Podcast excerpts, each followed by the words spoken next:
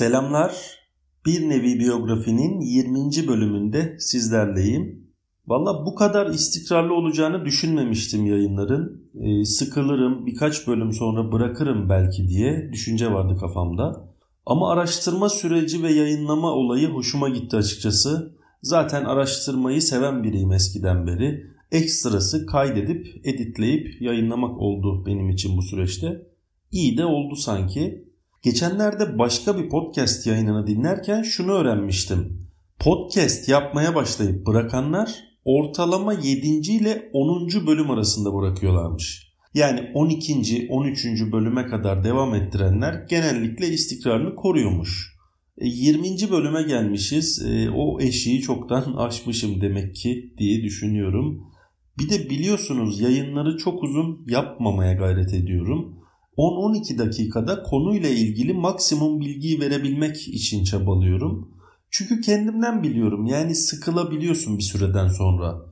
Tabi ele aldığım her konunun 10-12 dakikada eksiksiz detaylıca anlatılması mümkün değil. Fakat ön hazırlığımı yaparken e, atlamamam gereken yerleri özellikle not alıyorum. Neden sonuç ilişkilerini iyi incelemeye çalışıyorum.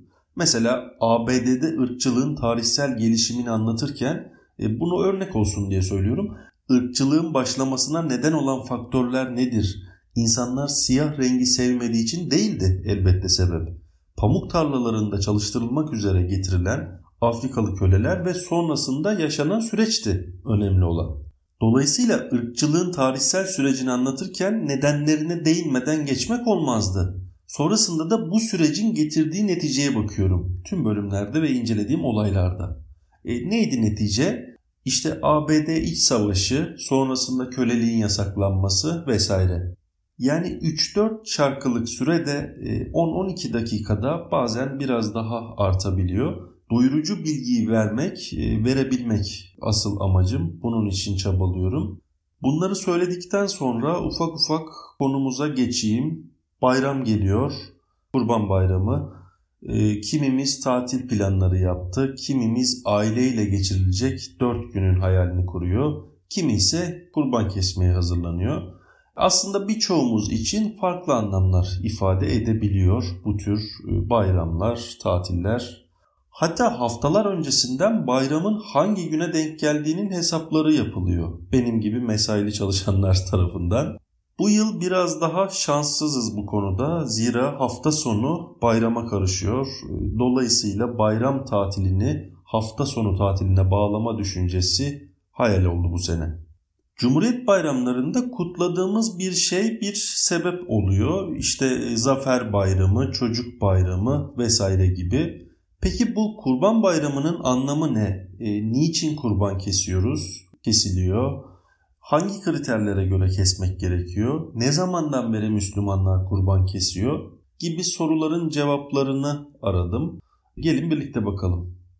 Kurban Bayramı'nın efsanesi 3 gün boyunca Rize'den Trabzon'a yüzen boğa oldu. Onun hayat mücadelesi herkese etkiledi. Hayvanseverler harekete geçti, kesilmesin, yaşasın diye sahiplendi. Adını da Ferdinand koydu. Ben güreşçi bir boğa değil. O filmdeki bu boğa dövüşmemek için, gerçek hayattaki Ferdinand ise hayatta kalmak için kaçtı. Kurban Bayramı Müslümanlar tarafından Hicri takvime göre Zilhicce ayının 10. gününden itibaren 4 gün boyunca kutlanan bir dini bayram. Zilhicce ayının 10. 11. ve 12. günlerine Eyyam-ı Nahr yani kurban kesme günleri ve bir önceki gün olan Zilhicce ayının 9. gününe ise Arife denir. Kurban Bayramı aynı zamanda İslam aleminin her yıl Mekke'de hac farizasını ifa ettikleri zaman.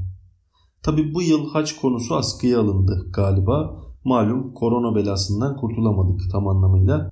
Kurban Bayramı nüfusun çoğunluğu Müslüman olan birçok ülkede dini bayram olmasının yanı sıra resmi tatil de kabul edilir. Ramazan bayramı ile beraber İslam dinindeki en önemli iki bayramdan biridir. Hicri takvim bir ay takvimi olduğu için yıllar güneş temelli miladi takvimden 11-12 gün daha kısa. Bu nedenle Kurban Bayramı her yıl 11-12 gün daha erken kutlanır. Yaklaşık 33 senede bir bayram aynı tarihlere denk gelir. İslam dini terimi olarak kullanılan kurban, Allah'a yaklaşmak ve Allah rızasına ermek niyetiyle kesilen, kurban edilen hayvan demektir.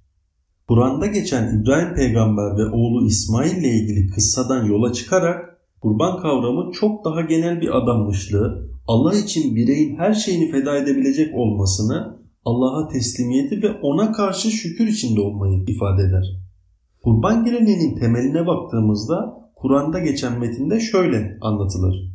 Hz. İbrahim bir ara oğlu İsmail'i kurban ettiğini rüyasında görür. Bu durumu oğluna anlatır.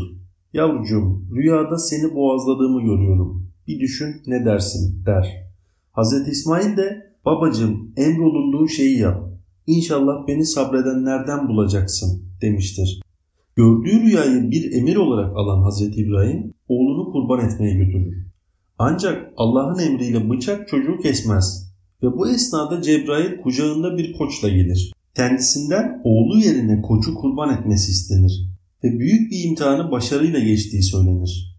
Buna istinaden İbrahimi dinlerde Zilhicce ayının 10. günü aynı şekilde kurban kesilerek kutlanan bayram olmuştur artık.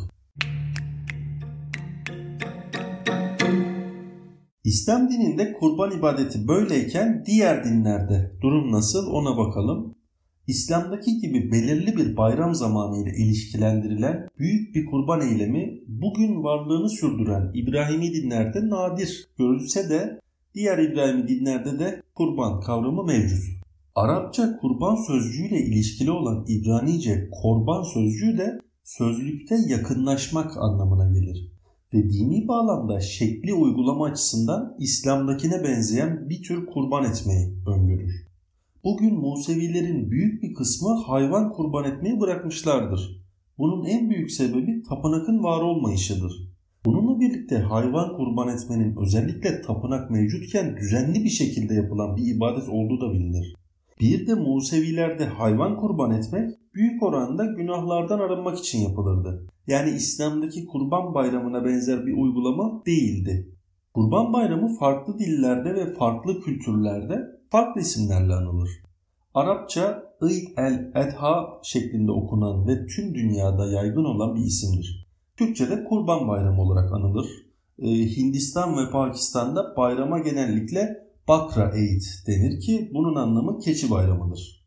Bu ülkelerde sıklıkla kurban edilen hayvan e, keçi. Yani Hindistan'da büyükbaş kesmek mümkün değil zaten biliyorsunuz. E, Bakra Eid Güney Afrika'da da kullanılan bir isim.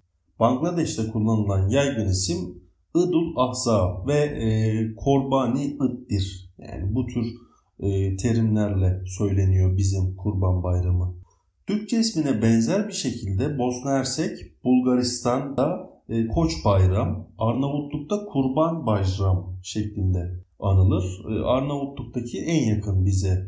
Çünkü Kurban Bayram bizdeki Y yerine J'yi kullanarak Bajram, Kurban Bajram şeklinde tanımlıyorlar. Nijerya'da Babbar Salla, Somali'de ve Kenya ile Etiyopya'nın e, Somalice konuşan bölgelerinde ise Jidwayney olarak bilinir. Eğer yazıldığı gibi okunuyorsa şayet.